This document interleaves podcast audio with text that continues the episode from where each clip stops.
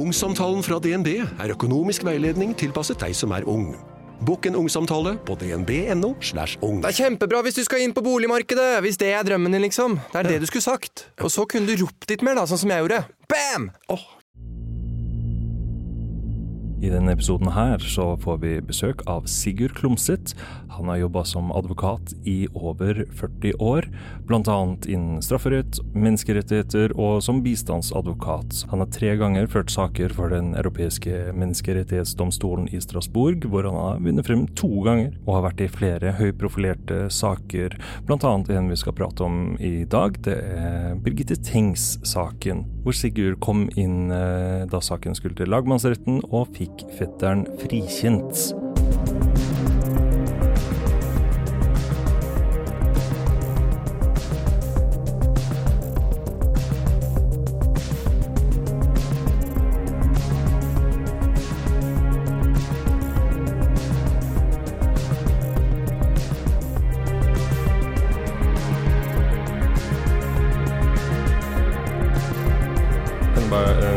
Praten? Dette er en prøve.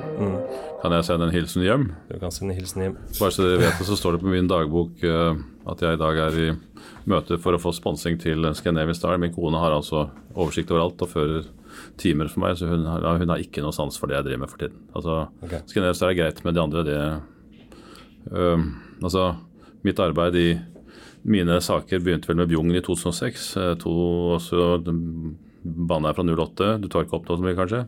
Eh, Jeg tar opp. Eh, Vi kan sikkert lage en hel sesong om eh, Sigurd Klumset, men eh, akkurat nå så tar vi kun Så du det jeg sendte attester i dag, eller? Ja, du har Sigurd sendte i morges. uh, attester. eh, 58 siders attest. Har du ikke lest det? ikke- Har ikke hatt tid. Helge, dette holder ikke.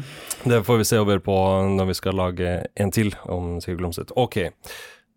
Sigurd Klomsæt, hvordan gikk det til at du kom inn i Birgitte Tengs-saken? Jeg hadde fra 92 et godt og nært forhold til advokat Arvid Sudin, så jeg fulgte med både fra den dagen han fikk oppdraget i februar 97 og senere. Eh, Jeg kunne ikke være med i tingretten, eh, fordi samme dagen så startet eh, vi i Oslo tingrett med sak for etterlatte mot staten i forbindelse med partner, flyet som datt ned i, i havet. Så etter tingretten så fikk jeg henvendelse fra hans far, jeg husker den svært godt, og sa ja til å være medforsvarer.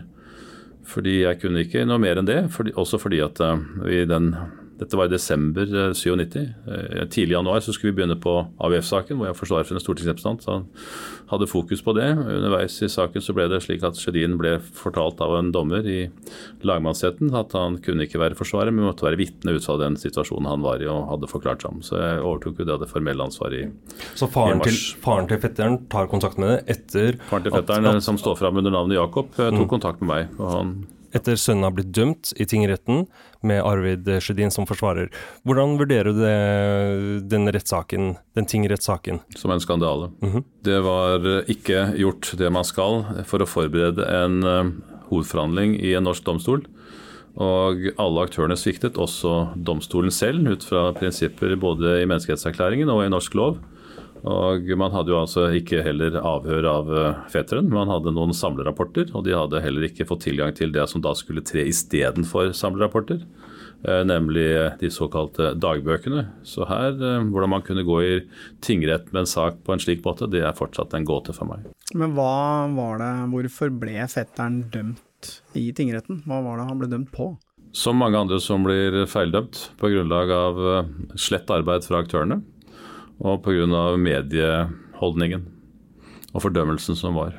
Så han var altså mer eller mindre forhåndsdømt, er det det du sier? Helt åpenbart. Eh, Hvis vi kan hoppe litt frem, så var jeg med han på en Scoop-konferanse året etter. i det var vel i Sandefjord, og der var det jo ulike aktører som skulle stå fram og redegjøre for sitt. Alle var jo veldig opptatt når han ble frifunnet å få intervju med han, men han var veldig tydelig på at det ville han ikke. Særlig ikke Se og Hør, som jo hadde fortalt oss at eh, de visste og hadde dokumentasjon for at eh, denne svenske psykiateren som var engasjert, nemlig Ulf Aasgaard, hadde vært benyttet av politiet ved en rekke anledninger til å skrive gjerningsmannsprofiler, men eh, hadde jo ikke blitt lagt fram, for det var helbom.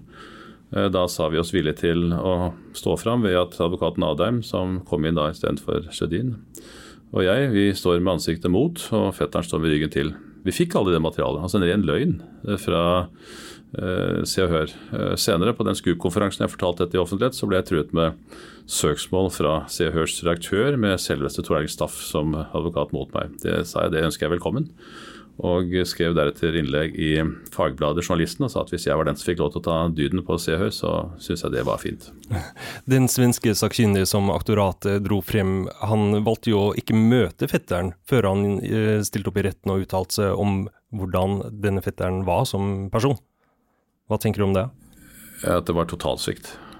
Jeg har erfaring fra mange saker gjennom årene. og Særlig fra 95 hadde jeg en erfaring med, med Tommy han som var litt uheldig med køllekastinga si i en hockeymatch. og Der var det jo gitt uttalelse fra en dosent på tannlegeskolen om uh, skade på denne gutten, og det var basert bare på bilder.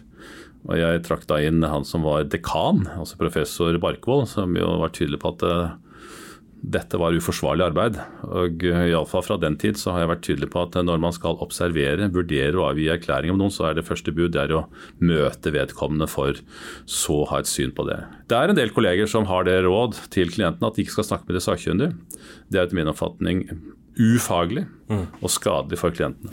Men du kommer inn i denne saken her. Eh, fetteren er dømt, eh, både i tingretten og i pressen blant folket. Alle tror at han har gjort det. Hvordan gikk dere løs på, på arbeidet med å, å, vinne frem i lagmannsretten? Det kunne jo bare gå én vei. Det kunne jo ikke gått dårligere. Uh, vi var jo kjent med tidlig jeg, altså For først vil jeg si at jeg, Da jeg fikk henvendelsen, så, så, jublet ikke jeg og sa ja. Uh, jeg hadde tydelig den kunnskap at advokat Sjødin hadde lovet han frifinnelse. Uh, og det ville jo ikke jeg være med på, så jeg ville snakke med, med fetteren. og det skjedde to dager før jul i 97. Jeg reiste over der han var og sa at uh, hvis du krever det av meg, så kan jeg ikke være din forsvarer. Men hvis du aksepterer at jeg lover deg å gjøre mitt beste med siktemål frifinnelse, så kan mitt svar være ja. Ja, det var greit. Ja, du skal ikke svare meg nå, du skal gi meg et svar i morgen. Så var jeg hjemme hos foreldrene og saka det samme der. og Så kom jo den bekreftelsen dagen etter. og Derfra fremover så var det jo å ta tak i det som da var gått gærent. Uh, og Det var jo hans forklaring om hvordan denne tilståelsen var tilkommet osv. Da søkte vi rundt uh, i verden på de som var gode på uh, tilståelse og falske tilståelser. Vi fant først fram til Elisabeth Loftus i USA, som er en toneangivende fagperson. Uh, hun ville ikke komme til Europa lenger. Så på reiseveien så søkte vi fram, fant vi fram til Gisle Gudjonsson, som da hadde disse etter hvert så berømte sakene Gis, eh, Birmingham Six og Guilford osv. Han er professor og ekspert på falske ja. tilståelser, rett og slett. Ja, han var på den tiden dosent ved et universitet i London. Vi tok kontakt med han. Eh, fikk, eh, det var privatetterforsker Harald Olsen som gjorde alt dette arbeidet som jeg skal redegjøre for om det, som hadde de kontaktmulighetene. Vi reiste over til han i London. Eh, han sier hvorfor skal jeg akseptere dette oppdraget, får 10-15 eh, sånne i uka. Så redegjorde for det, og så aksepterte han det. Og så ble hans arbeid så viktig som vi alle vet. Og eh, ut fra det som senere skjedde, var jo at de satte jo en ny standard for avhør i Norge. Det var jo ikke noe protokollert av noe. Vi hadde en selsom opplevelse under hovedforhandlingen. Så tok vi tak i det tekniske. Vi så på DNA-spor og den type ting. Jeg hadde veldig klart for meg Jeg var sammen med eh, privatetterforsker Harald Olsen og advokat Erik Nadheim om dette arbeidet. Så hvis jeg sier for mye jeg, så er det ment å være gruppens arbeid. Jeg er veldig tydelig på det. Og da var det slik at det tekniske på DNA det var jo et tema som ingen har skjønt betydningen av i Norge enda, nemlig fiber, fiberanalyser. Hvis vi legger til grunn at fetteren hadde forklart seg om at han hadde ligget over sin kusine, og det var uomstridt at klærne var på, så må man få tak i de klærne. Og da, eh, Når man kommer borti hverandre med klær, så blir det fiber som da blir avsatt hos hverandre. Vi hadde Anne Priston, eh, som har allerede eh, gitt eh, utmerkelse fra den engelske dronningen for sitt banebrytende arbeid. Men det skjønte jo ingen hjemme. Men det møtte jo statsadvokaten med å påstå at den jakka som vi da kom opp med, det var ikke den jakka. Så Sånn sett så ble det beviset litt borte. Mange mener jo at fiber er mer troverdig som bevis enn fingeravtrykk. Det som også foregriper litt, det var at når Arvid Sjødin eh, anmeldte til eh, Spesialenheten, veldig prisverdig, for det fusket som var skjedd. Så, så var det nå sorenskriver i Oslo tingrett, da sorenskriver i Kristiansand, Yngve Svendsen, som var leder av den lokale SEFO, hvor også hans medarbeider var blant eh, Fegran, som vel var fortsatt advokat, senere tingrettsdommer, eh, som fikk banka skiten ut av Ståle Finnsal og fikk han til å erkjenne jo, det var den jakka. Så ikke bare om mye annet som dere sikkert skal spørre meg om, så, men også om det klærne som var på. Det, så, så, så løy Ståle Finnsal både da som han har gjort det ofte senere. Men eh, jeg er litt sånn nysgjerrig på, vi har jo lest mye om denne fetteren, som først ble dømt og så frikjent. Men hva var ditt inntrykk av han da du traff han første gangen?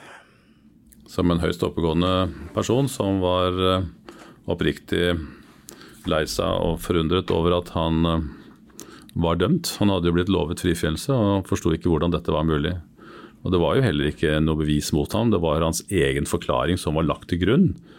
Og Da var det selvfølgelig for oss naturlig å ta tak i den. Men tilbake til det du opprinnelig spurte om, nemlig eh, hva vi ellers gjorde, så var det selvfølgelig tekniske. Vi tok tak i eh, DNA osv., som er innom, Faber. Eh, vi fikk tak i hva jeg mener er verdens ledende eksperter på dette, nemlig Forensic Science Services. som er, Hvis man ser på hele det engelske riket, så er de som var altså på det tidspunktet deres Kripos. Og vi fikk kontakt med general manager for hele virksomheten. Det var ca. 3000 ansatte på den tiden, etter hva jeg vet. Han var DNA-ekspert selv, Chris Herkis, og Susan Pope. Eh, så var jo de veldig tydelige på dette. Så gjennomgikk vi eh, obduksjonen og så på hvilke skader som var, og avdekket jo at det som var påstått skade i tingretten umulig kunne være det, men det var det var eksempelvis, eh, fant vi ut at uh, merker på, på, bena det var jo etter stropper fra transporten av uh, liket osv. Det var utrolig hva som var unngått en faglig oppmerksomhet i tingretten. Men Kan vi snakke litt om denne falske tilståelsen? Fordi de aller fleste tenker vel at hvis du tilstår, så har du gjort det. Men ja. hvordan kan man sitte i politiavhør og tilstå noe som man overhodet ikke har gjort? Det er skrevet mye om det også senere, eh, av norske eksperter, bl.a. Eh, professor Magnussen. Det er mulig. Hvis du, du, kan jo komme i en situasjon hvor du ljuger så mye at du tror det sjøl. Det er jo et kjent begrep. Og når du har personer som sitter med manipulasjonsteknikker, for det er det som skjer, Eh, så er det fullt forståelig at det var. og Han ble fortalt at han skulle få reaksjoner. Det var når han senere ikke fikk de reaksjonene som han ble fortalt at han skulle få, i en eller annen variant, at han tok kontakt ja, Tilbake til spørsmålet, altså, hvordan er det mulig? Nei, det, det, er, det, er, lett å manipulere. Venner av meg som er psykiatere, de sier jo at eh, gi meg ett døgn, eller altså, la dem få ett døgn, så skal de få enhver person psykotisk. Så, og Det var jo også slik under sakens gang at vi måtte jo hele tiden bevise hva som hadde skjedd til hvilken tid. Når vi tok opp dette med hvordan disse avhørene hadde funnet sted, og så var det jo mangelfull protokollering av hva som hadde funnet sted til hvilken tid, så påstod politiet, slik jeg husker, at det hadde ikke vært mer enn ca. 50 timer. Men da gjorde vi det som de ikke regnet med, nemlig vi gikk ut på, opp til fengselet i Haugesund og ba om å få protokoller fra når han var hentet av, av politiet og når han brakk tilbake. Det var iallfall ja, jeg mener husker at det var tre ganger så mye tid. Og hva, hva skjedde da i den tiden som politiet mente han ikke hadde vært der? Blant annet så satte de ham på et rom som var ja, svært dårlig. Senere ble det nedgradert til det det hadde hele tiden vært, nemlig et uh, lagerlokale. De tok fra han uh, verdigheten hans. Uh, de nektet han kontakt med familien, som jeg sa den gangen. De nektet han til og med Bibelen. Ikke det at han, han var så spesielt religiøs, men altså noe å lese i. Altså alt var, han var en sportsinteressert ung mann. Han var på nivå å komme på landslaget i håndball. Hadde vært trent mye og det hele tatt. Det de bevisst trykte han ned mm. over tid. Eh, noe av det politiet dro frem som mistenkelig, var jo hans reaksjon i Birgittes eh, begravelse, hvor han fikk en sånn, noen rykninger i kroppen. Men nå, i ettertid så ser man jo på det på en annen måte. at fordi På det tidspunktet, under begravelsen, så hadde jo søkelyset blitt retta mot han, stemmer ikke det? Veldig. Ja, og særlig fra en lærer. Så det her var en, en ung uh, gutt som da opplevde å være i begravelsen til sin kusine, og i tillegg har følelsen av at alle rundt der hadde en mistanke mot han, og det var uh, grunnen til denne Dette er en av mange dokumentasjoner for det særdeles ufaglige som ble lagt til grunn tidlig. Mm. Jeg hadde erfaring fra å være styremedlem på Sunnaas sykehus. Jeg tok kontakt med personer på Sunnaas sykehus som bekreftet til meg hva jeg hadde lest meg til at eh, det er helt utenfor din kontroll. Det har ikke noe med sjelslivet ditt å gjøre. Og det er personer som blir eh, så alvorlig rammet av dette at de blir invalidisert. Og, eh, så dette var bare helt meningsløst. Og en, jeg mener at det var en av de temaene som Ja, det var fordi at jeg hadde den kontakten og kunnskapen fra tidligere, fra styremedlemmet der, og, ja, som gjorde at iallfall det ble borte. Så var det andre teknikker man brukte, nemlig at han skulle ha tilstått til eh, andre i fengselet. Det er jo en kjent teknikk som politiet brukte lenge. Da kan man, etter mine råd til altså andre kolleger, da må man bare undersøke de personene som da står frem og sier at han snakket til meg. Undersøke hvilken sonings- eller annen situasjon de får. De får svært ofte opp til åpen soning osv. osv. Og han som da dette gjaldt, han hadde jo fått utfoldt seg fritt i tingretten, men ikke med oss i lagmannsretten. For jeg tok ba ham for pause, jeg, så jeg snakket med ham før han skulle inn, og da husket han ikke noe. I uh, politiets etterforskning uh, som leda frem til uh, tingrettssaken, så uh, satt det jo på en mengde med, med, informasjon og dokumenter, men så var det noe som heter nulldokumenter. Ja, det var en strategi som politiet hadde tidligere. Nulldokumenter skal jo være null interesse. Og Det vi gjorde, var jo å gå gjennom disse dokumentene. Og Hvis man leser tingrettsdommen, så var det veldig viktig for tingretten, slik jeg husker det, at han hadde forklart seg om at han hadde vært på et bestemt tid og møtt en kvinne som het Heidi Karine Eike, som vi da senere omtalt som Eikehjørnet. Da mener jeg fortsatt det var Harald Olsens gode idé, sikkert også Nadheim og jeg sikkert som tredjemann, at da undersøker vi dokumentene. Så vi fant de nulldokumentene faktisk de helt avgjørende bevis. Vi gjorde det slik at vi fikk undersøkt dette bestemte hjørnet. Tidspunktet var gitt, så undersøkte vi en time før, mener jeg husker, og til og med en time etter. Altså en to timers intervall.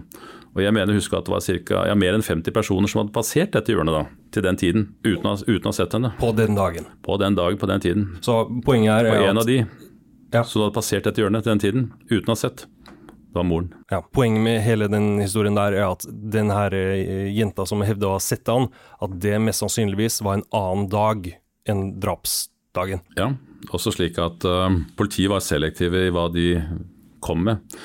Da jeg kom inn i saken, så ba jeg om å få AVAX-bilder, altså dette Nato-flyet som uh, vi alle har sett med stor skjerm, som flyr over oss. Vi blir fotografert, og det finnes fotografier i alt. I dag så er det på detaljnivå. Så ble det sagt at det var for gammelt. Det er også en av de mange bløffene. Altså Hvis politiet hadde vist interesse for den saksopplysningen, kunne de gjort det samme i 97 som jeg gjør i 98. Men da var det altså for gammelt, ble det sagt. Men hvem er det som avgjør hva som er et nulldokument og ingen interesse for saken? Er det politiet selv? Ja, jeg oppfatter at det er etterforskningsleder, og denne personen den eh, har jo vist seg å være svært uetterrettelig. Er ikke det litt sånn rart? For i utgangspunktet så skal jo politiets oppgave være å være objektive og avdekke absolutt alt, men Det er de pålagt i lov. Mm. Det er straffeprosessloven 226. De har pålagt faktisk et rundskriv fra Riksadvokaten som kom 22.12. Eh, eh, 99, som heter etterforskning, som riksadvokat Busch har sagt til meg at det er en direkte konsekvens av vår avsløring av arbeidet i Birgit-saken. Men Burde det ikke da eventuelt være opp til retten å avgjøre om det har interesse for saken eller ikke? At politiet selv som en aktør skal sitte og avgjøre om et dokument eller noen opplysninger er interessante? Vi har et annet system i Norge. I Sverige så er det mye mer sånn direkte opp til domstolen å, å gjøre etterforskning og et, det hele tatt. Jeg tenkte på den jeg var forleden på boklanseringen til uh, Bjørn Olav Jahr om Baneheia-saken. altså det den prosessboken hans, så tenkte jeg på det at i Sverige så har jo politiets dokumenter der får journalister innsyn etter uttak av tiltale. Det gir jo en helt annen mulighet for kontroll enn det vi gjør her i Norge. Her man har jo prisgitt at politiet lekker på de rette stedene om de rette tingene, som jo ofte skjer. Men jeg beit meg litt merke i at uh, dere brukte jo privatetterforsker Harald Olsen til å gjøre en uh, jobb her. Han gjorde på mange måter litt den jobben som politiet burde ha gjort, da. Men uh, hva sier det om uh, rettssikkerheten, at man er nødt til å benytte seg av private etterforskere for å få belyst saken sin ordentlig? At du ikke kan stole på at politiet gjør det? Jeg hadde møtt Harald Olsen noen år tidligere i forbindelse med andre saker. Jeg hadde også kontakt med Ola Tune, som de jo jobbet sammen en periode. Så jeg hadde et stor nytte av det. Så jeg visste betydningen av å få alternative vurderinger. Når Eh, Harald Olsen da kom inn i saken, så lykkes vi også å få han oppnevnt av retten. Han var jo med oss i det teamet som da var Nadheim eh, Olsen og meg. Og han var en eh, svært, svært viktig aktør. Han hadde bakgrunn fra å være i politiet. Han hadde jobbet i Kripos, selv om Finnsal gjengen forsøkte å nedtone at han kun hadde vært en kort tid osv. Det var snakk om å rakke ned på ham, som vi har opplevd mange andre også senere sammen. Men uten Harald Olsen så er det min oppfatning at vi ikke hadde lykkes med det vi gjorde. Altså Hans eh, kunnskap osv. var ekstremt viktig. Han er dessverre død, døde i 2016. Men jeg hedrer han så ofte jeg kan, fordi det fortjener han. Situasjonen var jo den at han visste om disse triksene som politiet brukte. Han kunne det spillet. Og når han hadde tid allerede i januar til å begynne å titte på dette, det hadde verken Nadheim eller jeg, fordi vi var begge opptatt med AUF-saken, så datt jo inn det ene overraskelsen etter den andre, hva han fant og gravde seg i. Så uten det arbeidet som er gjort på et tidlig tidspunkt og senere, så hadde vi trolig ikke hatt mulighet for å avgjøre det. Men det spørsmålet er hvordan betydning det hadde. Det var en enorm betydning. Og vi hadde en dommer som var saksforredende dommer, som senere fratrådte fordi hun ble dommer i domstolen i Strasbourg, altså menneskerettsdomstolen, Hanne Sofie Greve. Ehm, jeg fikk eh, etter saken eh, henvendelse fra eh, senere direktør i, i Domstoladministrasjonen, hadde vært dommer, som spurte hvordan vi hadde lykkes med å få den oppnevningen. og Det kunne jeg bare redegjøre for, at det var fordi vi hadde en dommer som forsto betydningen av det. Og du må etter min oppfatning ha et alternativ til politiet og få undersøkt det som skal være. Jeg har opplevd det i mange saker, nytten og betydningen av det.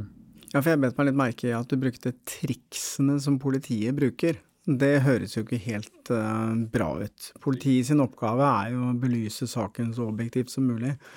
Uh, en av triksene var jo bl.a. å søke å skjule hva denne uh, psykiateren fra Sverige, som jeg senere har gjenopptatt kontakt med, hadde gjort i arbeidet. Blant annet så ville de nedtone hvilket engasjement han hadde, og hvor han hadde vært til stede osv. Vi avdekket bl.a. at uh, når det gjort analyser av de spørreskjemaene, så var det jo han som hadde både lagd spørsmål og satt og analyserte osv. Så, videre. så vi, vi, avslørte mye som jeg tror uh, det er blitt noe mindre av fra tid til annen, men som fortsatt skjer der ute. At uh, viktigheten av å få et resultat den er så stor at man er villig til å ofre rettssikkerheten osv. Hvorfor var politiet så opptatt av å få dømt denne fetteren? På samme måte som uh, Viggo Kristiansen i Baneheia-saken. De hadde uh, iallfall tunnelsyn, men de hadde også hengende over seg så tunge prestisjekrav fra offentligheten om å finne uh, gjerningsmann. Uh, han som nå er arrestert og siktet, han har også krav på rettssikkerhet, men han sto øverst på den liste. Vi leverte til lagmannen under sakens gang i Stavanger. Da fikk eh, politiet ved Finnsal ordre om å bruke helgen sammen med Harald Olsen til å gjennomgå de ti personene som vi hadde lansert. Vi hørte aldri noe fra politiet. Og Mandag så kommer eh, Finnsal og sier at han var sjekket ut av saken. I dag så vet du at det umulig kunne være riktig. Mm. En ting vi har pratet om er hva den eh, svenske sakkyndige kom frem til, og i hvilken grad det ble vektlagt i, i tingretten. Vi fikk jo inn det alternativt, nemlig med professor eh, Gisle Gudjonsson. Ja, men, men, men, hva sa den svenske sakkyndige om fetteren? Ja, Jeg skal oppsummere med å si at han på den måten forklarte seg i halvannen dag i lagmannsretten, og avsluttet med om det er en, om det er en falsk tilståling, så det er en masterpiece. Det var hans vurdering. Han var jo også helt entydig i at dette var åpenbart uh, fetteren som var gjerningsmannen. Mm. Han fikk altså halvannen dag. Når Gisle Gudjonsson kommer, så ble han avbrutt etter hva jeg husker ca. en halvtime av lagmannen som mente at det var unødvendig å høre mer. Mm. Som dere har sett på dokumentaren, så sier Gisle Gudjonsson det slik They didn't want me there. De ønsket meg ikke der. Ja. Um, ok, uh, ditt team uh, kommer inn i saken, dere gjør deres etterforskning, og så starter lagmannsretten. Hvordan ble disse bevisene deres eh, tatt imot? Ja, for det første vil jeg si at uh, Før vi startet saken, så tok jeg kontakt med førstestatsadvokat Grønlin. Møtte opp på hans kontor og sa at vi må ha en annen måte å kommunisere på enn det som har vært i tingretten. For der var det utskjelling fra både forsvar og aktor altså siden Jeg vil ha et ryddigere forhold. Jeg tok også kontakt med bistandsadvokaten og sa at vi vil, hvis vi blir opplevd at vi ikke oppfører oss sånn som foreldrene til Birgitte syns er greit, så gi oss beskjed, skal vi se om vi kan gjøre noe med det. Men de var jo ikke mer enn ute av døra før statsadvokaten hadde fortalt det til VG. Iallfall visste om hva vi hadde snakket om, at jeg hadde vært der. Det ble en eh, strid underveis. Statsadvokaten eh, bl.a. Eh, latterliggjorde oss fordi at Gisle Gudjonsson, når han kom til Norge, så spurte jeg statsadvokaten skal vi gå ut sammen og møte ham og ha en middag sammen og bli litt kjent og sånn. Nei, det ville han ikke være med på. Men når vi gjorde det i full offentlighet på et spisested i Stavanger, så mente han det senere var kritikkverdig. Altså Vi opplevde å bli harselert, sjikanert og tråkka på. Ikke bare aktor, men også av administrator. Jeg har jo omtalt rettens administrator, altså lagmannen, som aktor i dommerkappet. Det sa jeg på åpne kanaler umiddelbart etterpå, og står for det. Ja, Det er jo det lagmann Steinar Trovåg, ja. og dere hadde litt sånn disputt underveis der? Ja, det var flere disputter som er blitt beskrevet. Jeg, med mitt jeg i dag kaller det engasjement, mange mener at det er temperament. Jeg spratt jo opp ved flere anledninger. Jeg syntes det var rett og slett for jævlig. Det var useriøst. Og Så var Nadam var jo den mer rolige, så han dempet jo ned det. Så det var nok the good guy, bad guy som vi utfylte hverandre. Okay. Hva tror du motivasjonen var for uh, lagmannen til å opptre mer som aktor enn som uh, han, han er tidligere statsadvokat. Han er, hva jeg vet uh, av informasjon, den eneste i verden som statsadvokat som har tatt ut tiltale mot Amnesty. Mot Amnesty? Ja, Vi har senere også hørt at han hadde uttrykt at han skulle ned og få orden på denne saken. Ok, så han... Uh... prestisje. prestisje. Men han understreker, jeg har skværet opp på han senere. Mm. Ja ja, vi har et greit forhold. så... Vi i Rema 1000 kutter igjen prisene. Nå på en mengde påskefavoritter. For eksempel kutter vi minst 25% på 2 ganger 600 gram grillpølse fra Gilde, 10-pakt Chicago pølsebrød fra Hatting, 7-pakt tulipaner og andre påskefavoritter. Alt dette og enda flere priskutt på minst 25% For det er sluttsummen på påskehandelen som teller. Og husk at vi fortsatt har fryst prisen på over 1000 varer. Men det er klart, jeg er litt sånn nysgjerrig på noe fett datteren, liksom, det er familie her, uh, blir dømt for disse tingene og anklaget for disse tingene. Og så ble han jo i etterkant også dømt til uh, erstatning i et sivilt søksmål, var det så, selv om han ble frikjent? Ja, da fikk jeg spørsmål fra flere av deres kolleger om hva da. Da sa jeg det må du spørre hva herre om, for dette skjønner jeg ikke. Det er jo litt merkelig at du kan bli frikjent i en straffesak ja, og så dømt til å betale For da, da, blir man jo egentlig stempla som ja, det skyldig. Hengt, det har jo hengt ved han senere. Mm, men hvordan har dette påvirket familien, da? Det må jo ha vært en forferdelig traume i mange år? Første erkjennelsen fra familien, hva jeg forstår nå, ja, så er at eh, de har kanskje tatt feil allikevel. Uh, og Dette har bistandsadvokatene i saken et uh, stort ansvar for. Men det har jo Nadam og jeg skrevet om også, senest i et innlegg i Politiforum, så det står vi for det var jo ingen, det var jo isfront når vi holdt på. Um, så det var en vanskelig situasjon. Man må jo nødvendigvis nesten møte på hverandre når man uh, har en sånn situasjon i et rettslokale som vi hadde, med én felles inngang. Nei, vi, det var vanskelig. Vi hadde en uh, god dialog med bistandsadvokaten underveis. Eh, så vi, vi, ordnet det på en måte som jeg tror alle var tilfreds med. Mm. Jeg tenker Bare spole litt tilbake, sånn vi får liksom uh, domsavsigelsen. Det er litt sånn spennende der. Hvor lenge varte saken? Jeg mener å huske at det var seks uker. Det var iallfall i månedene mai til, til, juni. Jeg mener også å huske at det var 17. juni. Altså jeg jeg understreker når jeg sier jeg, så er det altså gruppen. Og også at Arvid Sjødin var med. Han var jo ikke oppnevnt med, med Forsvaret, men han var der hele tiden. Og vi hadde jo stor nytte av hans arbeid som erfaring fra tingretten, og at han brukte Altså han ga veldig mye av seg sjøl. Han ble vitne, men han var en aktiv aktør. Så det, hvis jeg skulle ha glemt det noen ganger, så vil jeg understreke at det, sånn var det. Mm. Og var også viktig for oss. Jo, jeg, vi hadde jo en situasjon med prosedyre. Eh, vi måtte oppsummere saken. Det amerikanerne kaller 'closing arguments'. Eh, vi hadde den gangen flere sekretærer. To av dem eh, fløy vi over til Stavanger, utstyrte med egne hotellrom og opptaksutstyr, altså diktafon. De satt og skrev, for vi dikterte og brukte jo døgnet der borte. Og eh, aktors prosedyre, han mener han husker han ferdig til lunsj den ene dagen. Så holdt jeg prosedyre da som var skrevet av eh, Nadam og jeg. Vi delte ansvaret for Det kan godt være eh, Sjødin også hadde innspill der. Harald Olsen iallfall, særlig på det tekniske. Så Sånn sett er det uriktig eh, vurdering når jeg får æren for at jeg fremførte det. Men det var sånn det ble. Eh, vi fulgte opp da mandagen etter med sekstimeprosedyre, så det ble ni timer prosedyre.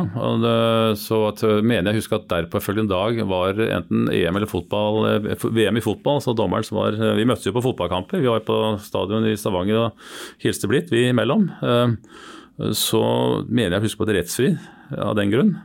Og så når retten da, så det, hadde man på den tiden med juryordning en eh, rettsbelæring som eh, var jo, sånn som jeg husker det, svært ensidig, og jeg tok den opp på bånd. Jeg hadde erfart at i f.eks. Liland-saken så var jo det som reddet gjenåpning for, eh, for Liland. Det har jo den lagmannen fått mye kritikk for, at han var veldig ledende i den rettsbelæringen. Ja, jeg skal supplere det du sier, i den forstand at når han redegjorde for det, så var det ikke tvil om hva han mente. Og gikk jo langt utover det som er objektivt, iallfall. Mm.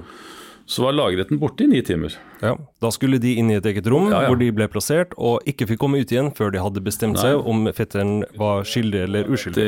De var tilbake for å kunne, men da skulle de ha mer mat og mer kaffe. Så de satt jo der. Det er grunn til å tro at det var en samvittighetsfull redegjørelse. Hvordan var den ventetida?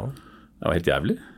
Vi hadde møtt eh, en psykiatrisk sykepleier som hadde jobbet på fengselet, og var den som tok fetteren på alvor i hans første samtale da han uttrykte tvil om denne tilståelsen kunne være korrekt. Vi engasjerte henne, så hun var sammen med oss hele den dagen for å tilvareta fetteren. Og Nei, Det var ubeskrivelig tøft. Eh, alle, jeg, På den tiden så var det mer deadlines for media også, så det var ikke samme elektroniske som i dag. Eh, når de kom tilbake, så sier Harald Olsen senere at han så nei-svarene nedover. Fordi at eh, han hadde da lyset mot uh, juryformannen, som osv. Vi hadde jo da Adam og jeg hadde fetteren mellom oss. Og så når fetterens eh, svar det ble lest opp fra lagrettens ordfører, så fikk han de samme rystelsene igjen. Så vi, vi, bare presset lårene hans ned for å unngå den type oppmerksomhet igjen. Mm. Som fra, fra begravelsen? Ja. ja. Sånn som jeg husker det, så ble det da jubel i salen. Og Da var jo lagmannen veldig tydelig på klubbene ned. Så ble lagmannen og de to andre dommerne borte i hva jeg husker svært lang tid. Hvordan reagerte fetteren da? Nei, Det var en vanskelig tid, fordi det var jo spørsmålet enten så kan jo lagdommerne akseptere det, eller så kan de sette til side. Jeg mener jo fortsatt at det har vært mye mer fair å satt til side hvis de var uenig i den avgjørelsen. Men det, det, krever enstemmighet, og det fikk de tydeligvis ikke. Samtidig så vet vi jo erfaringsmessig at når juryen blir borte, så er det mye lettere å bli domfelt i Norge. Den ordningen nå er jo en, etter min oppfatning, katastrofe for rettssikkerhet for enkeltmennesket. Og uh, vi vet jo at når jury blir satt til side, så blir det ofte domfellelse med meddomsrett, for da kommer jo fagdommeren inn og mener noe, folk lytter til det. Men Hva var liksom poenget med en jury da, hvis du har en jury som sier ok, han er uskyldig, og så sier fagdommeren at nei, det gidder vi ikke å høre på. Vi nei, Det er fordi man mener at det skal være rettssikkerhetsgaranti, at, skal, at det skal være en ordentlig måte å gjennomføre det på. Eh, men hvis vi går videre, så var det da neste dag. Eh, for da varslet jo bistandsadvokaten at han ville fremme erstatningskrav. Til tross for at fetteren nå var ja. Eh, frifunnet? Ja. Mm. Det som da skjedde, var at uh, vi måtte jo i løpet av natta lese oss opp på dette. og det var, uh, altså Jeg er født i 53, og menneskerettserklæringen kom i 53, men det var et tema der jeg ikke kunne noe om. Og Det var heller ikke noe omtalt i lærebøker, men heldigvis vi påberopte de rette avgjørelsene osv. Men når vi kom neste dag, da, så hadde vi jo forberedt uh, innlegget. og når da hadde advokat Lea tatt aktors plass, det er sånn det fungerer. Så da var han anklager, og da noterte lagmannen veldig flittig det som ble sagt derfra. Og når eh, jeg holdt innlegget, så husker jeg det slik at han la hodet ned på hånda og bare så på meg. Mm. Jeg, lot meg da ikke distrahere, fordi jeg visste jo at eh, dette var holdningen. For Han skulle demonstrere hvor uinteressert han var i ja, det du hadde å si? Det var sånn det ble oppfattet. Mm. Og når lagmannsretten da kom med sin avgjørelse, så var jo spørsmålet hvordan er det mulig? Og Det er altså begrunnelsen at det er lavere beviskrav. Eh, så anket vi det til Høyesterett, eh, Nadam og jeg, og jeg var vel der i 99. Og så sa Høyesterett med 3-2 eh, flertall det var greit. Vi gikk jo til løs på denne måten å uttrykke på. Så, det, så skrev Nadam den gode klage til Strasbourg, som jeg hadde glede av. Så fikk vi den saken gjennomført. Jeg var der i september 2002. Det var jo fire norske saker der til samme tid, bl.a. Jung-saken. Den kan jeg snakke mer om. Og der er det jo stort å være, da. Det er jo øverste domsmyndighet for 850 millioner mennesker. og når jeg tenker på at Her hjemme så er det ca. fem, så sier jeg til kolleger at møterett for Høyesterett, pytt pytt, jeg har vært i Strasbourg, har du? um, jeg har vært der tre ganger faktisk, med saker. Og, eller tre saker, da. Og um, er um, var jo resultatet at den uh, norske stat ble fastslått å ha krenket menneskerettighetene for fetteren. Så jeg mener å være tydelig på, som jeg også sa til Stavanger Aftenblad for et par år siden, at de søksmålene som senere er ført av uh, to advokater i Stavanger mot staten for å få gjort noe med den, med den erstatningsdelen, mener jeg er forfeilet. Jeg mener at uh, hvis man legger til grunn Menneskerettighetsdomstolens avgjørelse fra mars 2003, så er det det som er temaet, nemlig fastslått at det er en krenkelse. Så ja, det har jeg sjekket med bl.a. professor Andenes og andre som jeg mener kan mye mer eh, om dette enn meg, men eh, jeg, jeg, jeg, forstår ikke det som har skjedd etterpå. For Til tross for det så ble dette kravet om at fetteren skulle betale eh, Tengs foreldre 100 000 kroner, det ble opprettholdt? Ja, særlig advokat eh, Elden kjørte jo det fram hele veien og mente at han var eh, dømt erstatningsrettslig for å ha tatt livet av jenta. Altså en fullstendig meningsløs mm. Eh, aktivitet der ute for å få egen PR og for å krenke fetteren. Og familien har jo ikke bidratt til familieforholdene, de bor jo i nærheten av hverandre i, en, i et område der ute på så videre. Det, jeg lurer litt på, sikkert de som hører på også, men hvis du går til Strasbourg og får en dom i Menneskerettighetsdomstolen. Hvilke konsekvenser har det for Kan norske myndigheter bare velge å ignorere det? Nei, det var, eller? vidt jeg vet, en stat som gjør det, det er russerne. Eh, men så har de eget tilsynsorgan også. Men um, situasjonen er jo den at det får umiddelbar rettskraft. Det er en del av konvensjonen at man forplikter seg til å respektere den. Så rettstilstanden for fetterens rettssikkerhet og de 100 000 kronene er at det er gjort feil i ettertid. Til tross da for at fetteren ble frifunnet så hang det, det her kravet på at han skulle betale foreldrene 100 000 ved, og det var jo et slags sånn eh, budskap fra retten at ja, du ble frifunnet av øh, denne juryen, men vi tror du er skyldig likevel. Og det ble jo hengende ved han, da. Hvordan var livet til fetteren etter det saken? Det er en av de minst ærefulle dommeravgjørelser i dette landet. Eh, og det var en direkte konsekvens av den holdningen den retten hadde til oss hele veien også. Så sånn sett burde ikke være veldig overrasket. Og Jeg har også senere forsøkt meg noen ganger når den type saker er, å få egen advokat til kun å håndtere erstatningsdelen. Fordi jeg mener at det er så viktig, men det har man heller ikke forstått betydningen av. Så den kampen har jeg for tiden gitt opp. Men erstatningsdelen som da skal være mulig fordi det er lavere beviskrav, det er for meg en ren konstruksjon. Eh, det førte også til at eh, vi brakte den saken videre til både Høyesterett og, Strasbourg, og vant jo fram der som konstaterte uh, domstolen at det var krenkelse av menneskerettsartikler 6.1 og 6.2. Vi skulle også ha slengt på 6.8, vi skulle også tatt artikkel 2, som er drap. Det som senere har skjedd ved disse søksmålene mot staten for å få dette omgjort, det er etter min oppfatning forfeilet. Mm. Det er slik at den avgjørelsen fra EMD, altså Menneskerettighetsdomstolen, i 2003 fastslår at det, den delen av saken er en krenkelse. Og da skal man ikke være nødt til å gå til norske domstoler senere. Den har umiddelbar rettsvirkning. Så jeg forstår ikke det. Men eh, det har jeg også argumentert for eh, til de advokatene som har ført de prosessene. Hvordan var din kontakt med fetteren og, og faren, da, Jakob, eh, som har stått mye frem i pressen i etterkant av saken? Jeg har hatt god kontakt med, med far eh, ved mange anledninger, også senest oppi det som nå har skjedd. Han har jo også bedt meg være en tydelig stemme for å hevde det syn vi har hatt hele verden. Men har du snakket nå med fetteren etter at denne nye personen Nei, ble pågrepet? Nei, det har jeg ikke gjort. Jeg kommuniserer via hans far. Det var Jakob her. Ja, hallo Jakob. Skal vi se, jeg må bare justere. Kan du bare snakke litt? Ja, jeg kan snakke. Jeg kan snakke i tolv timer sammenhengende hvis bare temaet er det rette. ja. ja. da, det var bare for å teste lyden. Og ja, jeg... du har jo snakka mye om den saken her i i 20 år nå. Eh, jeg forstår det sånn at du har vært og besøkt din sønn, for oss andre kjent som fetteren, nå nylig? Ja, det stemmer det. Jeg var i påsken og uh, prøver selvfølgelig å ha et godt forhold til både han og mine barnebarn som bor i Spania. Ja. Hvordan har han det nå, da? Nei, det Jeg kan si såpass at det går an å ha det bedre. Ja, han har jo vært eh, gjennom veldig mye, og, og, det har jo du og din eh, familie òg. Kan du fortelle litt hvordan, hvordan har det egentlig vært disse årene? Nei, det har vært, det har vært et 25 uh, års mareritt. Og øh, en skulle kanskje tro det ble bedre og bedre, men egentlig er det blitt øh, verre og verre. For øh, det som jeg tok som en selvfølge, det var at når en ikke har begått en kriminell handling, så skal en heller ikke stigmatiseres som om en har gjort en kriminell handling, men det skjer jo ikke i vår sak.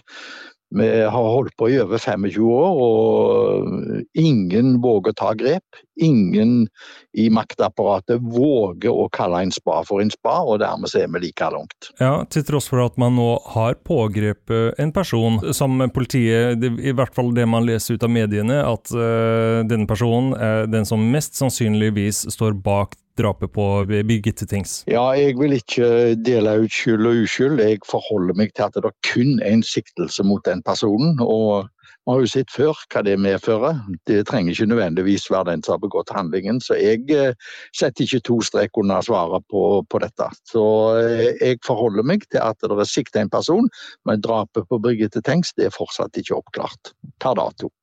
Du, jeg bare lurer på, eh, Hva tenker dere nå? Har dere noe håp om at hvis denne personen blir dømt, at sønnen din nå skal endelig bli renvasket for disse anklagene? Ja, altså På folkemunne så er han jo egentlig uh, allerede det. Men det hjelper jo ikke så lenge det er en sivil stigmatiserende drapsdom som henger over han. Mm. Den har fått voldsomme konsekvenser i disse 25 åra, og, og, den må vekk. Den står fast fortsatt. og er ikke akkurat noe drahjelp for han i, i, i hverdagen. Og, og, vi er nødt til å få vekk den dommen. Mm. For, for, det som skjedde i saken til din sønn, var jo at han ble frikjent for handlingen, men ble stilt ansvarlig for å betale erstatning til uh, Birgitte Tengs etterlatte. Ja, det er helt korrekt, og det er jo en, uh, en merkelig lov en har her i Norge da. og eh, jeg, Nå er ikke jeg den som forstår alt her i verden, men dette forstår jeg iallfall ikke. Nei. Um, kan du ta oss tilbake 25 år? og Fortell litt om hvordan du opplevde rettssaken og, og, advokatene som jobba med saken til eh, sønnen din? Ja, det kan jeg gjøre. Vi havna jo i herredsretten med vår advokat eh, Arvid Sjødin og Gunnar Øystein Helgevold som eh, forsvarere. Og det er vel en kjensgjerning i dag at Arvid Sjødin ble lurt. Han ble fortalt historier fra etterforskningsleder Ståle Finnsal om uh, bl.a. at uh, min sønn var observert samme dag Birgitte var drept, uh, der han legger blodige klær i vaskemaskinen. Det er jo en historie som er fullstendig gal, og det var jo historien som Finnsal presenterte med første møte til advokat Sjødin. Og det er jo klart at Sjødin sa den gangen når en får sånne tilbakemeldinger, så springer en ikke akkurat ut på gata og roper justismord. Men det viser jo det at dette var jo det var en historie som overhodet ikke hadde grobunn i virkeligheten. Så eh, det starta jo dårlig da. Mm. Men eh, og Arvid Sjødin han, eh, han, han, trodde jo ikke dette kunne være feil. Altså dette, det, var så, det, var jo så, tragisk. og Politimesteren hadde jo gått ut og sagt at uh, her har vi lagt lista ekstremt høyt pga. nære familierelasjoner. Så Sjødin han uh, jeg tror nok han trodde på at det her var det skyld. Så uh, de første månedene bar nok preg av det. Men etter hvert som han fikk lest seg opp på dokumentene, dokumenter som for øvrig ble holdt skjult for han i første fase, så begynte han jo å skjønne at det her er det noe som ikke stemmer. og jeg tror ikke det gikk så forferdelig mange måneder før Sjødin sjøl forsto at her, her, her, er det begått en feil. Men uh, førsteinntrykket som er lagt fra politiet, det er voldsomt vanskelig å få viska vekk i allmennheten. Folk har jo en tiltro til maktapparatet. Det hadde jeg òg før Birgitte-saken. Jeg har det jo ikke i dag. Så det var voldsomt vanskelig å snu den oppfatningen om hvem som hadde begått dette. Så vi sleit jo der. Og han ble jo dømt i første rettsinstans. Mm. Men så eh, ble den eh, saken anka, og da kom Sigurd Klomsæt inn i bildet? Ja, det var Sjødin eh, sa det sjøl, at eh, jeg trenger nye øyne oppi dette her. Og de ble enige om at eh, Sigurd Klomsæt skulle overta. Og så skulle uh, Sjødin være medforsvarer. Men de fant ut at uh, Sjødin kan gjøre en bedre jobb med å stille som vitne og forklare egentlig hvordan han glippa i fase 1. Og Dermed så kom Erik Nadheim inn som medforsvarer til Sigurd Klomsæt. Og det var nok et godt valg, det de gjorde der. Selv om uh, Arvid måtte nok blø i retten for dette. Han ble, han ble voldsomt behandla i retten av Sigurd Klomsæt. Det måtte Sigurd gjøre, og det varsla han på forhånd til Arvid, at uh, Arvid Sjødin at jeg er nødt til å stille eh, spørsmål som du ikke liker. Men det var Sjødin innforstått med, så det, det enda bra. Ja, det, det, var vel eh, litt kritikk da for hans uh, måte å jobbe med saken i den første runden? Ja da, det var jo det. Men uh, Sjødin har uh, jeg si, har ikke gravlaks av den grunn. Tvert imot. Hva var det da som uh, gjorde at uh, fra forsvarersiden at uh, sønnen din faktisk ble frikjent av lagmannsretten? Nei, det var flere forhold. Det var Blant annet så fikk de ut dagbøkene de, de tre første vek, kritiske ukene der min sønn satt i avhør. Så ble det ikke protokollert et eneste ord. Politiet hadde ikke behov for å protokollere ting som ikke gikk deres vei. Derfor uteble protokolleringen, til tross for at det er lovbestemt at ethvert avhør skal protokolleres og undertegnes av begge parter. Det ble ikke gjort. Eh, som følge av det så forlangte Klumseth og Nadheim eh, dagbøkene ut. Og eh, min sønn så jo at det ble notert i de, de dagbøkene både til Stian Elle, avhører, Ståle Finsal, og sågar han som fulgte min sønn opp i det daglige. Altså de dagbøkene protesterte jo maktapparatet på skulle utleveres, men eh, der tok Gulating eh, lagmannsrett grep og fikk ut dagbøkene. og Der sto det mye interessant. Eh, og de ga grunnlaget for frifinnelsen. Der, der forsto en hva som hadde skjedd inne på avhørsrommet. Hva var det som kom fram i de dagbøkene som, som avslørte at sønnen din var blitt manipulert i disse avhørene? Nei, de ga bl.a. inntrykk av at de hadde fellende bevis, og vi vet at du drepte Birgitte, og, og eh, ta Altså, her må du vise deg voksen og ta grep og innrømme det du har gjort. Alle vil forlate deg hvis du lyver, og dine foreldre bakker deg ikke opp lenger. De har gått ifra alibiet ditt, og altså bare bløff og uh, så det var, det var, men han klarte, å, han klarte, å, stå imot i over tre uker, og det var, det var, betydelig lenger enn det de hadde forespeilt. For vi, første gangen vi trakk, traff vår kontaktperson fra politiet, en som heter Rune Hollekim, så det som vi var opptatt av, det var når får vi snakke med vår sønn. Og Da sa han det at eh, det vil ta tre til fire dager. Underforstått, vi skal klare å knekke din sønn på tre til fire dager. Det klarte de ikke. Det gikk faktisk, eh, det gikk faktisk fem uker før de hadde klart å knekke den. Så det var, det var godt gjort, syns jeg, å holde ut så lenge. Det, men i lagmannsretten så bringer da Klomsæt inn eh, denne avhørseksperten som eh, vitner om at denne formen for avhørsteknikker, det, det, er på en måte man får fram falske tilståelser på, er det så? Jo, det stemmer det. Gudjonsson er jo uh, rangert som verdens fremste ekspert på dette. her. og Den gangen så mener jeg han hadde ca. 150 saker, hvor han har fått medhold i 149, men ikke i den 150. som var Birgitte-saken der eh, norske myndigheter skjønner ikke at det er noe som heter eh, falske tilståelser. I hvert fall gjorde de ikke det den gangen. Jeg tror de gjør det i dag, etter at Asbjørn Rachlew er kommet inn i bildet. De, det endte jo med at uh, din sønn ble manipulert i en så stor grad at han endte opp med å De ba han om å skrive et manus, et filmmanus, var det ikke sånn? Jo da, det stemmer det. Han uh, fikk hjemmeleksa på kvelden når han satt på cella, og da skulle han uh, skrive en historie om hva som kunne ha skjedd på Gandersons vei. Og han øh, gjorde jo som han fikk beskjed om. Og øh, til slutt da så ba øh, den avhøreren om å bytte ut han med jeg. Mm. Og det gjorde han. Han var jo så kjørte på slutten at han, han gjorde jo det han fikk beskjed om. Så, ja. så, så det var jo sånn dette fremsto. Men hvorfor tror du at politiet den gangen var så, var så liksom ja, innstilt på å få ham dømt? Trodde de opprinnelig at han hadde gjort det, eller var det bare at man skulle få noen dømt for enhver pris? Nei, det siste tror jeg ikke på. Selvfølgelig tror jeg ikke på det. Eh, de trodde, selvfølgelig trodde de at han hadde begått denne handlingen. Men eh, det er ikke nok å tro. En bør vite hvis en skal gå til et sånt skritt. Og det gjorde de aldeles ikke. De tok en råsjanse, og de hadde voldsomt press på seg fra Riksadvokaten til å oppklare denne saken. Så her valgte de minste motstands vei. De grabba den første og den beste, og det viste seg å være feil. Ja.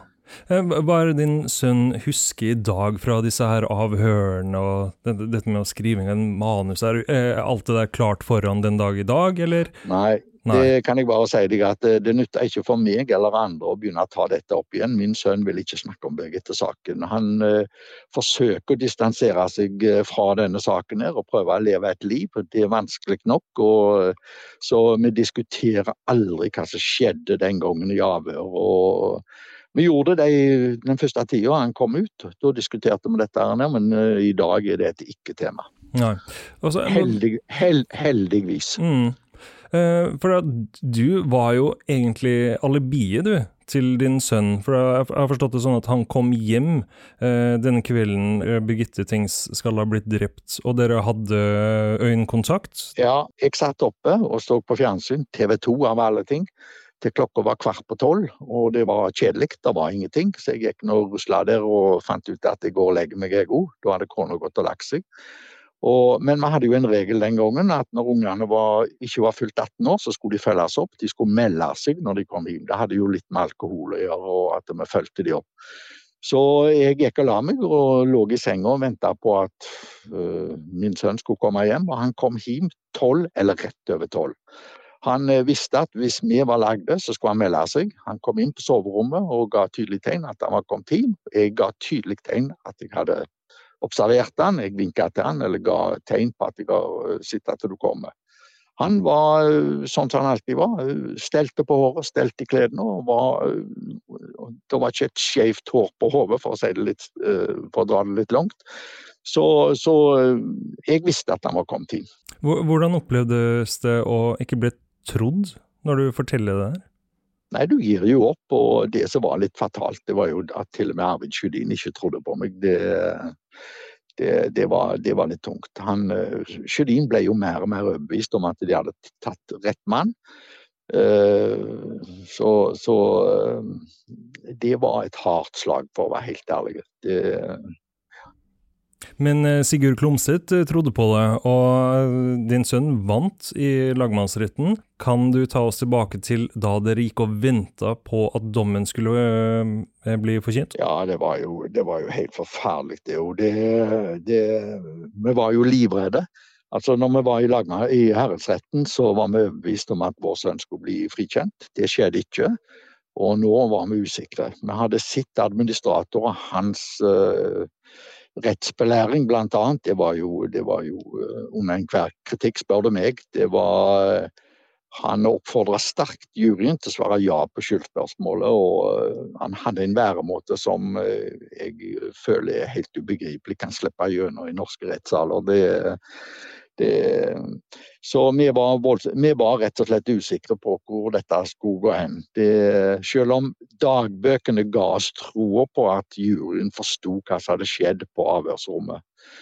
Og eh, vi venta jo, jo, i åtte timer. Vi ble kjørt ut på fengselet på Finnestad i venteperioden.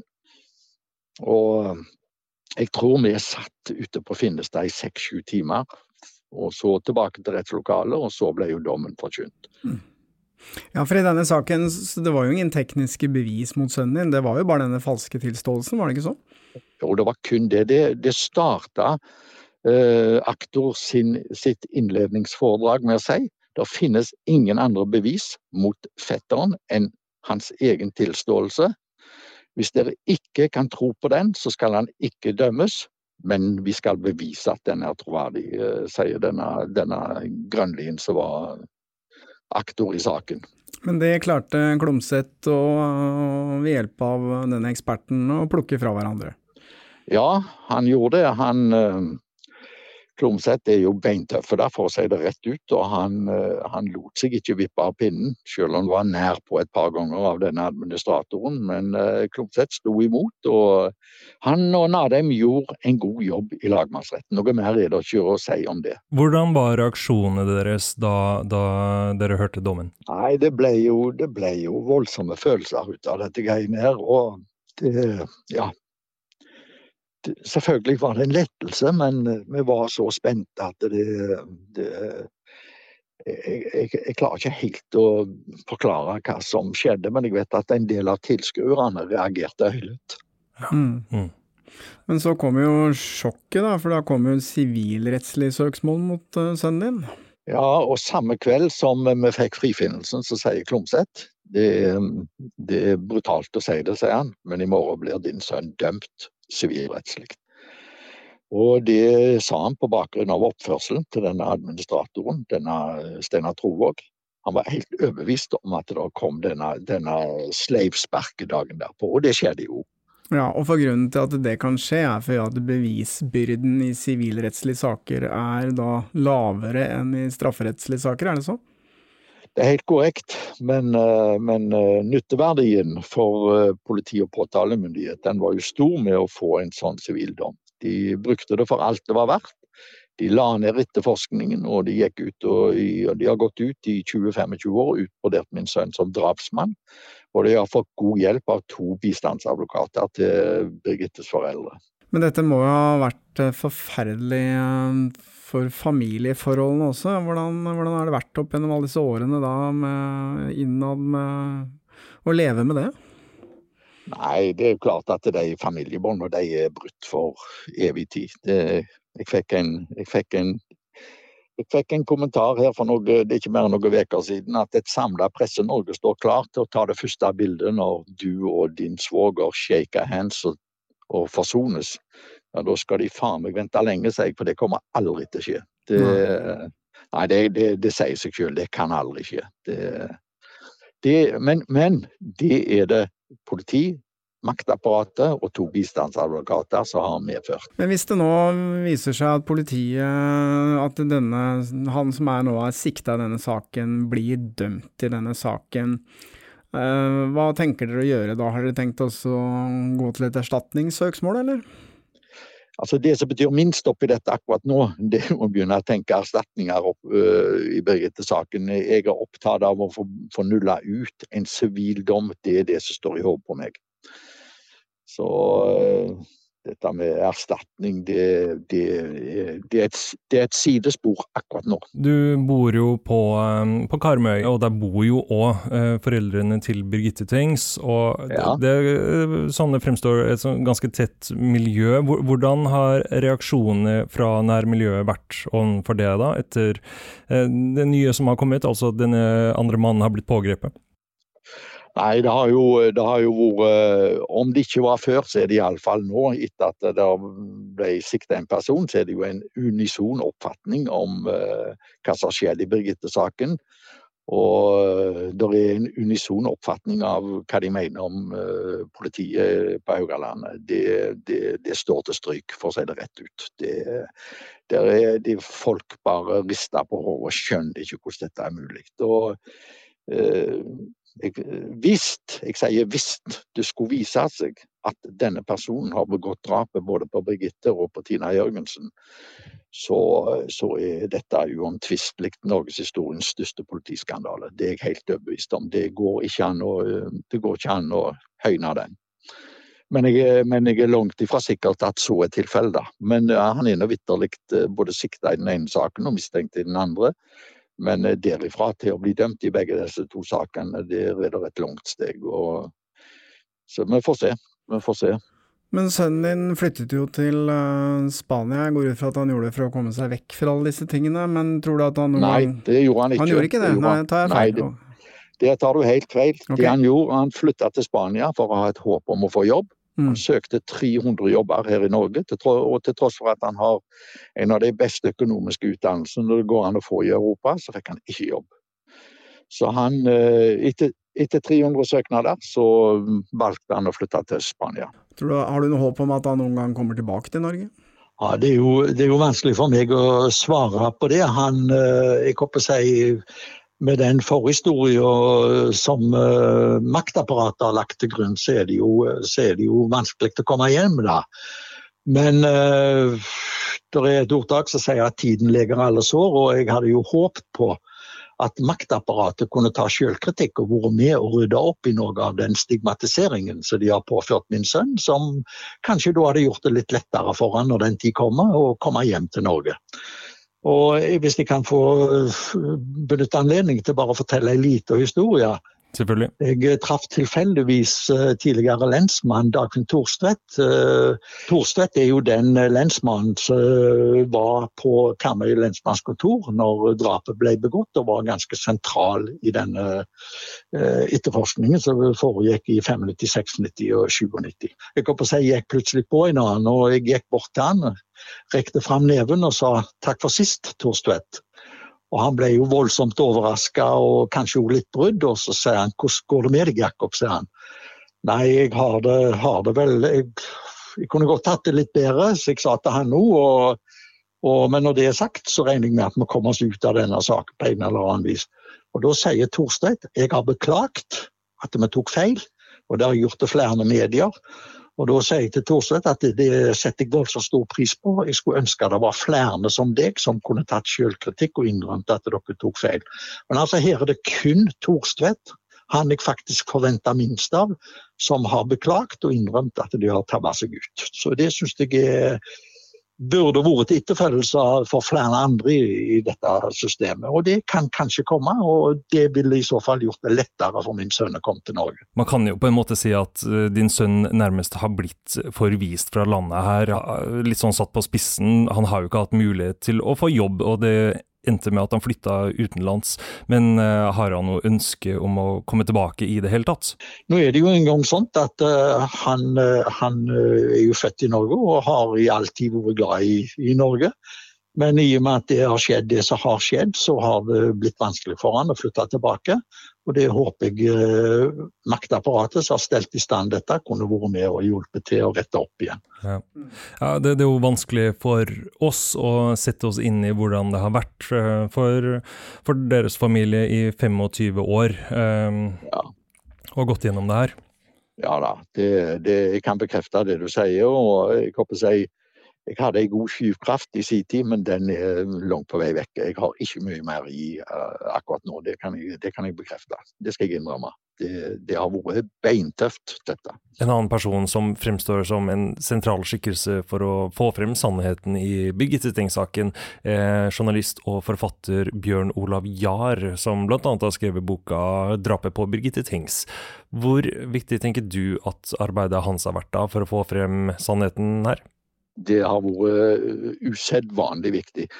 Og Det som er det fine med Bjørn Olav Jahr, han overspiller ikke, han klarer å holde seg til fakta. og Dermed så, så står han seg mye, mye bedre.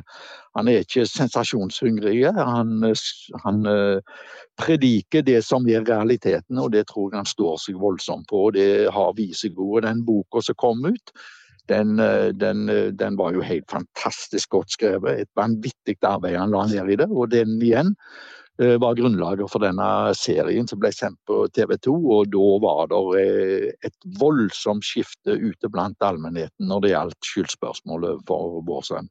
Det var han som åpna øynene og, prest, og fikk prest fram eh, si, politiet til å gjøre en del grep, og det gjorde de. Og så må jeg ikke glemme å berømme Stavanger-politiet og Cold Case. De eh, starta med åpne øyne og har behandlet oss voldsomt respektfullt.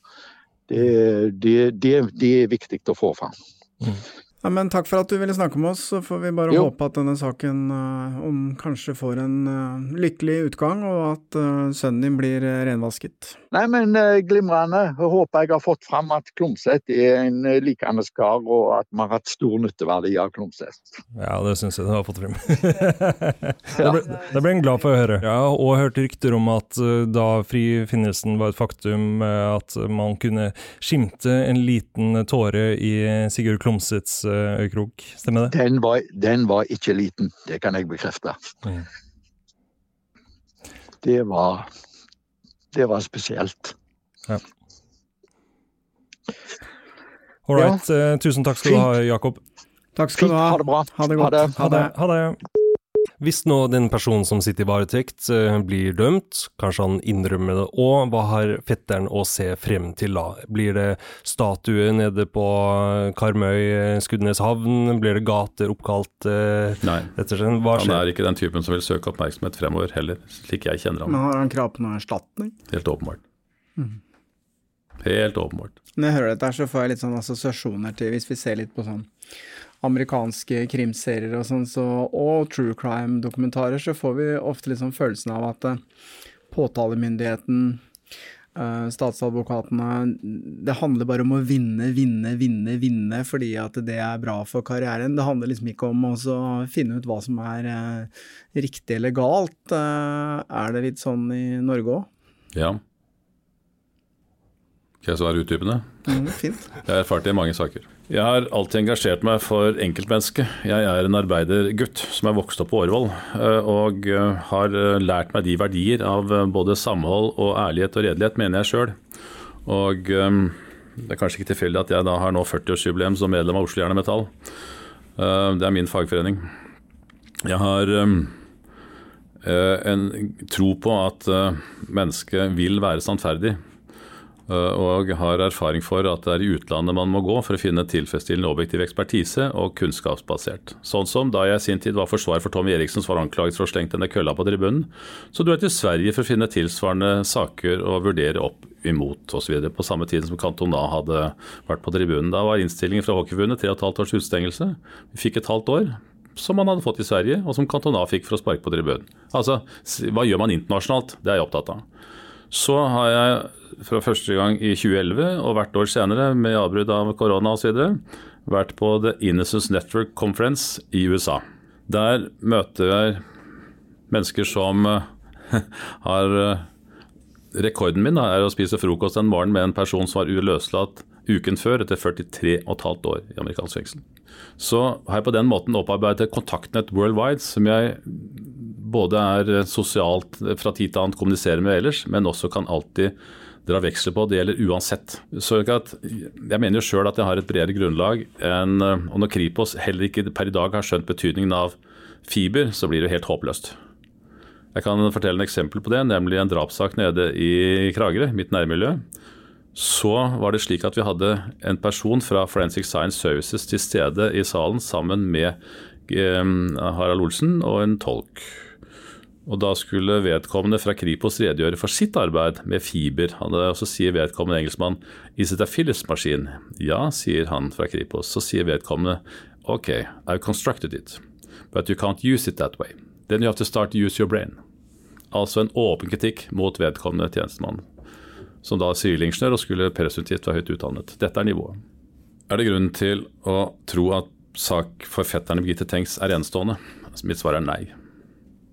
Det er mange der ute som uh, sier i avhør uh, det de angrer på etterpå, men man tror politiet du blir løslatt hvis du nå bare forklarer sannheten osv. En ren løgn. Jeg har den holdning som jeg vet mange, mange som er en offisiell holdning fra forsvarergruppen, at uh, hvis du ikke får tilgang til saksdokumenter, ikke forklar det. Før så var det aldri noe tema at det var klausulerte dokumenter. Det er en sånn motens greie som har blitt etter innføring av Politihøgskolen og har fått nye mennesker som mener å kunne dette bedre. Jeg sier konsekvent til klienten hvis du går i avhør, til tross for mitt råd om ikke gjør det, så må du velge annen forsvarer. Og mitt råd til deg er at du venter med til vi får det. Har erfart at det kommer allikevel. Og så er det ikke noe grunnlag for noe den klausuleringen, men man skal lokke folk inn i forklaringer som kan oppfattes på en annen måte enn det som er korrekt. Dessuten så er det livsfarlig å gå i avhør uten at det er lydopptak, så det også er jeg veldig tydelig på. Jeg gjør også ofte lydopptak selv. Og jeg tar lydopptak av hovedforhandlinger som jeg mener kan gå den gærne veien. Mm. Det begynte jeg med lydopptak av rettsbelæringen i Birgitte-saken i 98 og har fulgt det senere. Jeg har samme opptaksutstyr som politiet. Men etter å ha hørt på deg nå, Sigurd, så sitter jeg litt med litt sånn dårlig følelse av at uh, kanskje ikke alt går som det skal. Men kan vi stole på at vi får en rettferdig behandling av politiet og i rettsvesenet hvis vi blir tiltalt for noe? Nei. Det kan vi ikke. Nei. Jeg er tydelig på at eh, man må undersøke selv, og det har jeg også et sitat fra professor Brattom da han i 2006 fikk eh, rettssikkerhetsprisen som den første. Der han sitert på som pluss-minus min hukommelse at jeg har alltid ment at man må undersøke selv, ikke ta for gitt det man blir presentert av andre. Det gjelder ikke bare straffesaker, det gjelder forvaltning, det gjelder overalt. Jeg mener at man er, som advokat og forsvarer har plikt til å undersøke sjøl. Det gjør jeg, men jeg blir jo stadig møtt med innsigelse til min arbeidsoppgave, for det er unødvendig. Men tilliten er jo så stor at man skal osv. Uh, eh, så jeg syns at uh, det som er utviklingen, er svært uheldig. Det påstås at det er lite ressurser her og lite ressurser der. Og det er mulig at det oppfattes slik, men det, det er noen som har plikt til å gjøre det. Og Menneskerettighetsdomstolen har i avgjørelse vært veldig tydelig på at økonomi skal ikke være til hinder. Dårlig økonomi skal ikke være til hinder, eller være en begrunnelse for at man ikke har gjort det man skal. Men er det ditt inntrykk av at politiet jukser for å få en domsfellelse? Fra tid til annen, ja. ja. Jeg mener at det får med der om, om Birgit-saken er enestående. Nei, jeg mener at det er altså flere av dem. Det, det skjønner du. Altså Birgit-saken har jo øh, satt et fokus på avhør, avhørsmetoder, øh, hva som blir benyttet, hva som blir protokollert, ikke protokollert osv. Aktørenes håndtering av dette. Jeg minnes øh, da fetteren ville ha utlevert denne sykkelen som skulle vært benyttet osv. Det nektet politiet. Så tenkte jeg ok. Jeg tok mine foreldre på en tur over fjellet. Jeg skulle jo i nærmiljøet der min farmor kom fra, så det var liksom både og. Og etter å ha fått avslag en del ganger, så banket jeg på døra på lensmannskontoret og ba om å få utlevert den sykkelen. Og det er ikke så vanskelig å forstå at da var ikke politiet like tøffe. Men de greide å få slengt etter meg at du lykkes med strategien å få forvirret juryen, men du lurte ikke oss.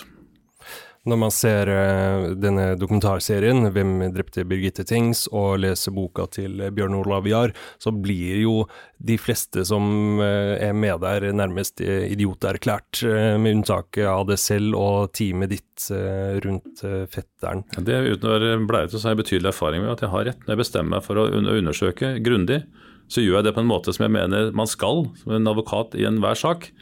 Og når du da hadde så tydelige og så objektive bevis for at fetteren umulig kunne ha gjort det som han var anklaget for, og jeg så hvordan han var konstruert på veien for å få et annet resultat, og jeg har lest så mye Liland-sak og hva det måtte være, alle saker, og ser at det som politiet alltid gjør, det er for å endre tidspunkt for når det har funnet sted, hvis det ikke stemmer med det de ellers har.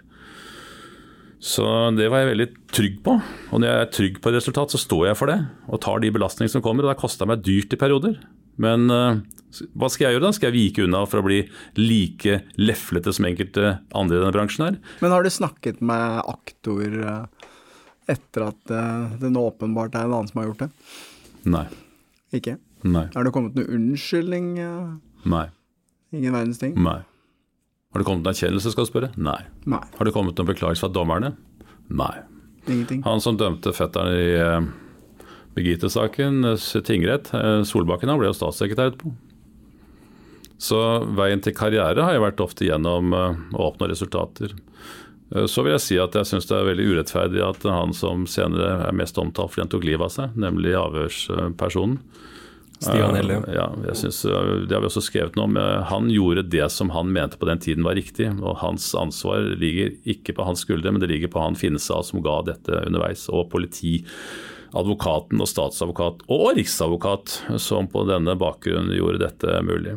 Han skulle ha stanset den saken mye tidligere og gjort eh, de undersøkelser som vi tok opp i 98 skulle være. Og ikke minst hun Strømme, som jo engasjerte seg Hun var kontoransatt på lensmannskontoret, engasjerte seg og gjort det opp til i dag. Hun ble jo tiltalt for å ha brutt taushetsplikten ved å ha gitt informasjon til, eh, til forsvarerne og til retten. Da hun ble tiltalt, så var det én person som, vittnet, eh, som stilte opp for henne og vitnet. Da gjetter du svaret, gjør du ikke det? Det var meg.